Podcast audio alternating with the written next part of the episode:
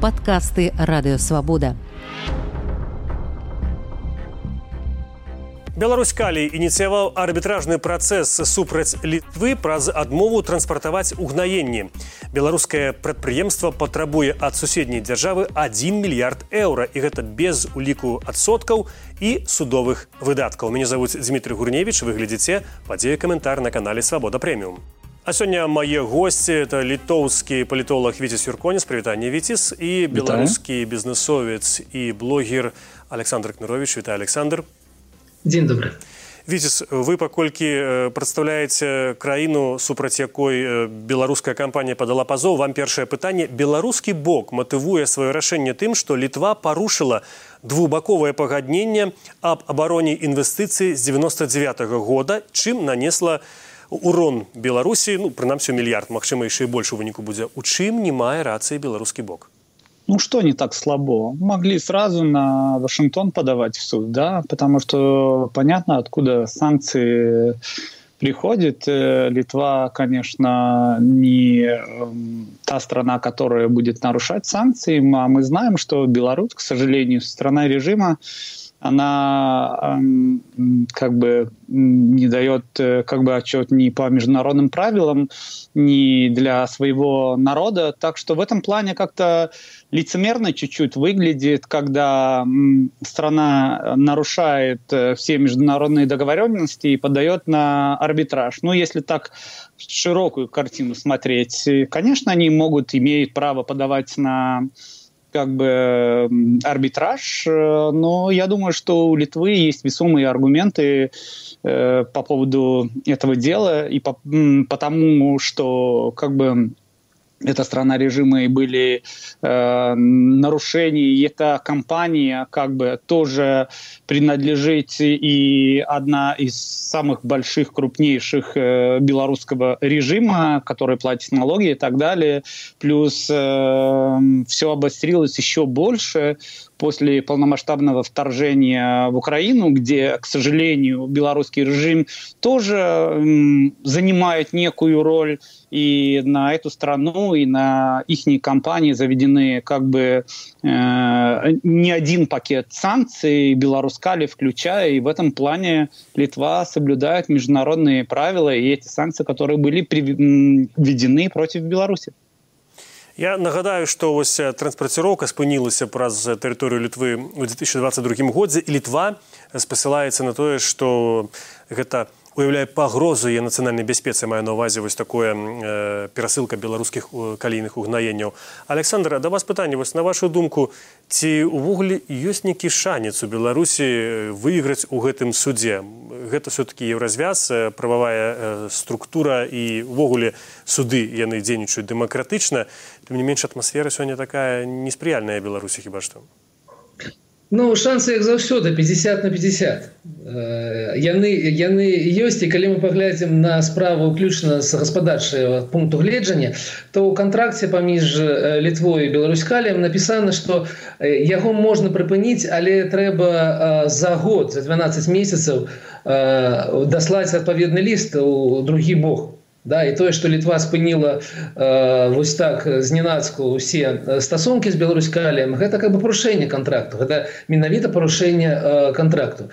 Таму ёсць шансы на гэты прасуд, гэты мільярд, гэта я мяркую цалкам все э, страты, гэта той э, кошт каліных угнаенняў, які не праехаў праз літву, таму што падзенне мінулого года было на 60 адсоткаў. Ну там э, калі мы палічым будзе э, трохі больш, кошт гэтых угнаенняў але не ўсе не ўсе з іх ехалі праз літву. Таму шансы есть гэта стагольмскі арбітраж які які судзіць у адрозненне ад беларускіх судоў да працуе сумленна і ён будзе разглядаць абставіны з абоіх бакоў і ён ці прыме ці не прыме неабходнасць выконвання санкцый з боку літвы. Мы гэтага не ведаем і гэта нармальна калі мы кажам пра сапраўды незалежны суд но я нагадаю что такія ж самыя амаль на такую ж самую суму на 911 мільёнаў туркменскі бок мае прэтэнзіі яны таксама зараз знаходзяцца ў стагольскім арбітражы наконт невыконання уже беларусію сваіх абавязкаў по будаўніцтву калійнага якраз калійнага камбіната у туркмені таму гэта звычайна гаспадарчая справа. Ну павядзім як будзе. Я конечно як як нармальны звычайны чалавек веру ўсё ж таки что гэта будзе некае справядлівае рашэнне что у іскі будзе адпаведны адказ але ну гэта незалежны суд Дарэчы, сёння сМ літоўскія цытавалі ўжо аднаго з адвакатаў, які казаў пра тое, што гэта вот дамова, пра якую кажа беларускі бок, што насамрэч на дзейнічае, ніхто і не спыняў, што гэты эпізод з беларускалем звязаны з абсалютна як бы іншай справай.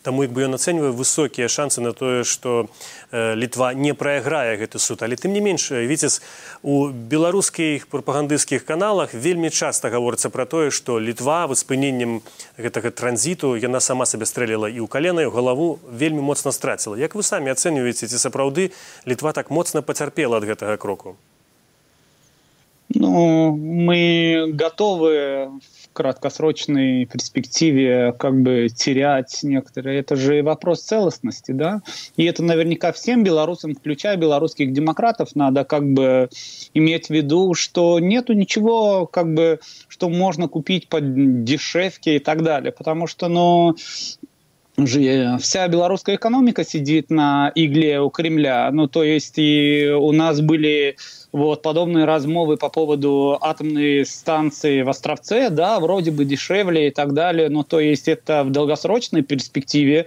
будете платить больше, и Литва с этим не сгодно, а ну, белорусский режим решил, что давайте идем на этот капкан и все такое. Так что тут тоже то же самое. Как бы, и тут, если опять смотреть более шире, тут вопросов есть э, и самому Беларускалю, насколько они соучастники всего этого, что, что происходило в 20-м, и после этого мы же знаем и про тех, которые протестовали внутри, как э, их репрессовали и так далее. Тут тоже и штрафы, и вопросы, и иски так на индивидуальном, э, так в индивидуальном порядке может быть. Так что тут э, как раз пропагандисты могут поковыряться и открыть такой ящик Пандоры, что мало не покажется.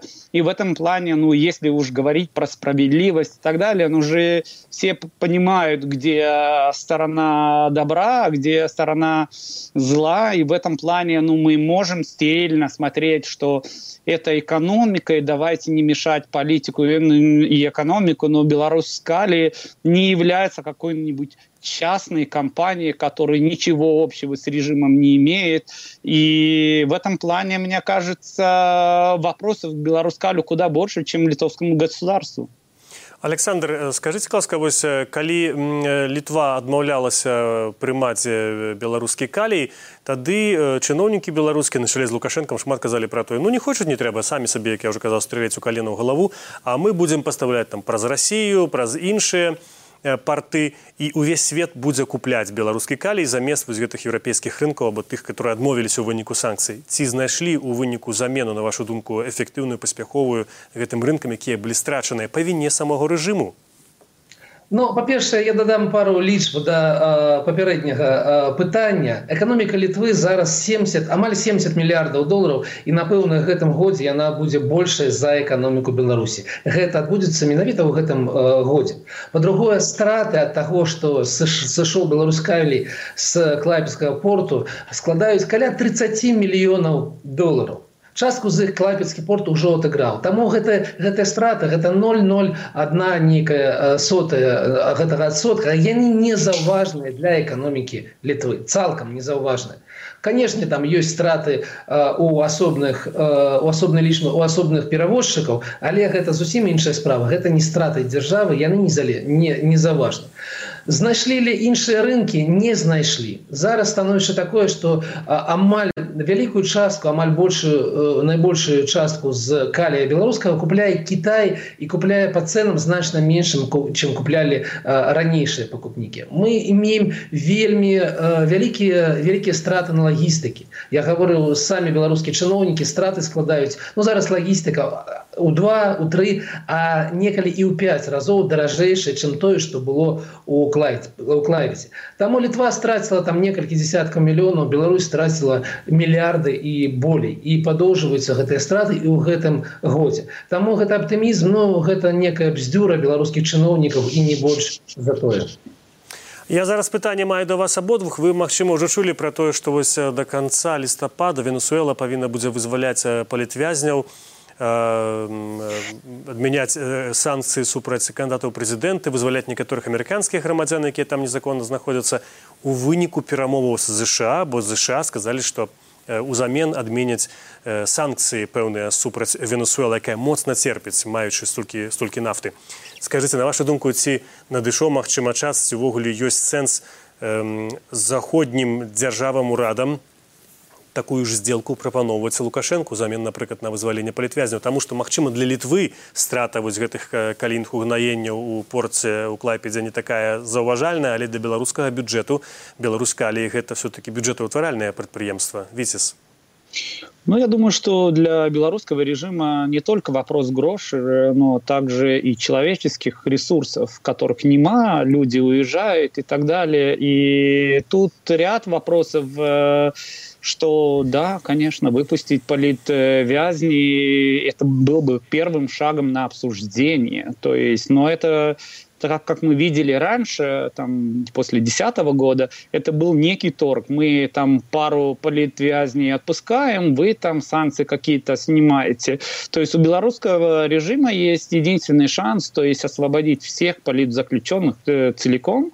да, и может быть, потому что, ну, это же не только вопрос Литвы, да, если мы говорим про калийные удобрения, кто основной покупатель? Да, это Норвегия, страна, которая про там каштовность, свободу и все такое. Да, они вот действительно, Беларускали думает, что эта компания будет продолжать как бы покупать э, калийные удобрения, то есть без свободы политвязней, конечно, никакого разговора и надежду белорусского режима насчет перезагрузки отношений с любыми странами евроатлантического сообщества даже не может быть. Даже этот э, кон- конкретный арбитраж, в принципе, мне кажется, он не про э, имеет другую цель. Это как бы стараться бить по политической воле так в Литве, так в Евросоюзе.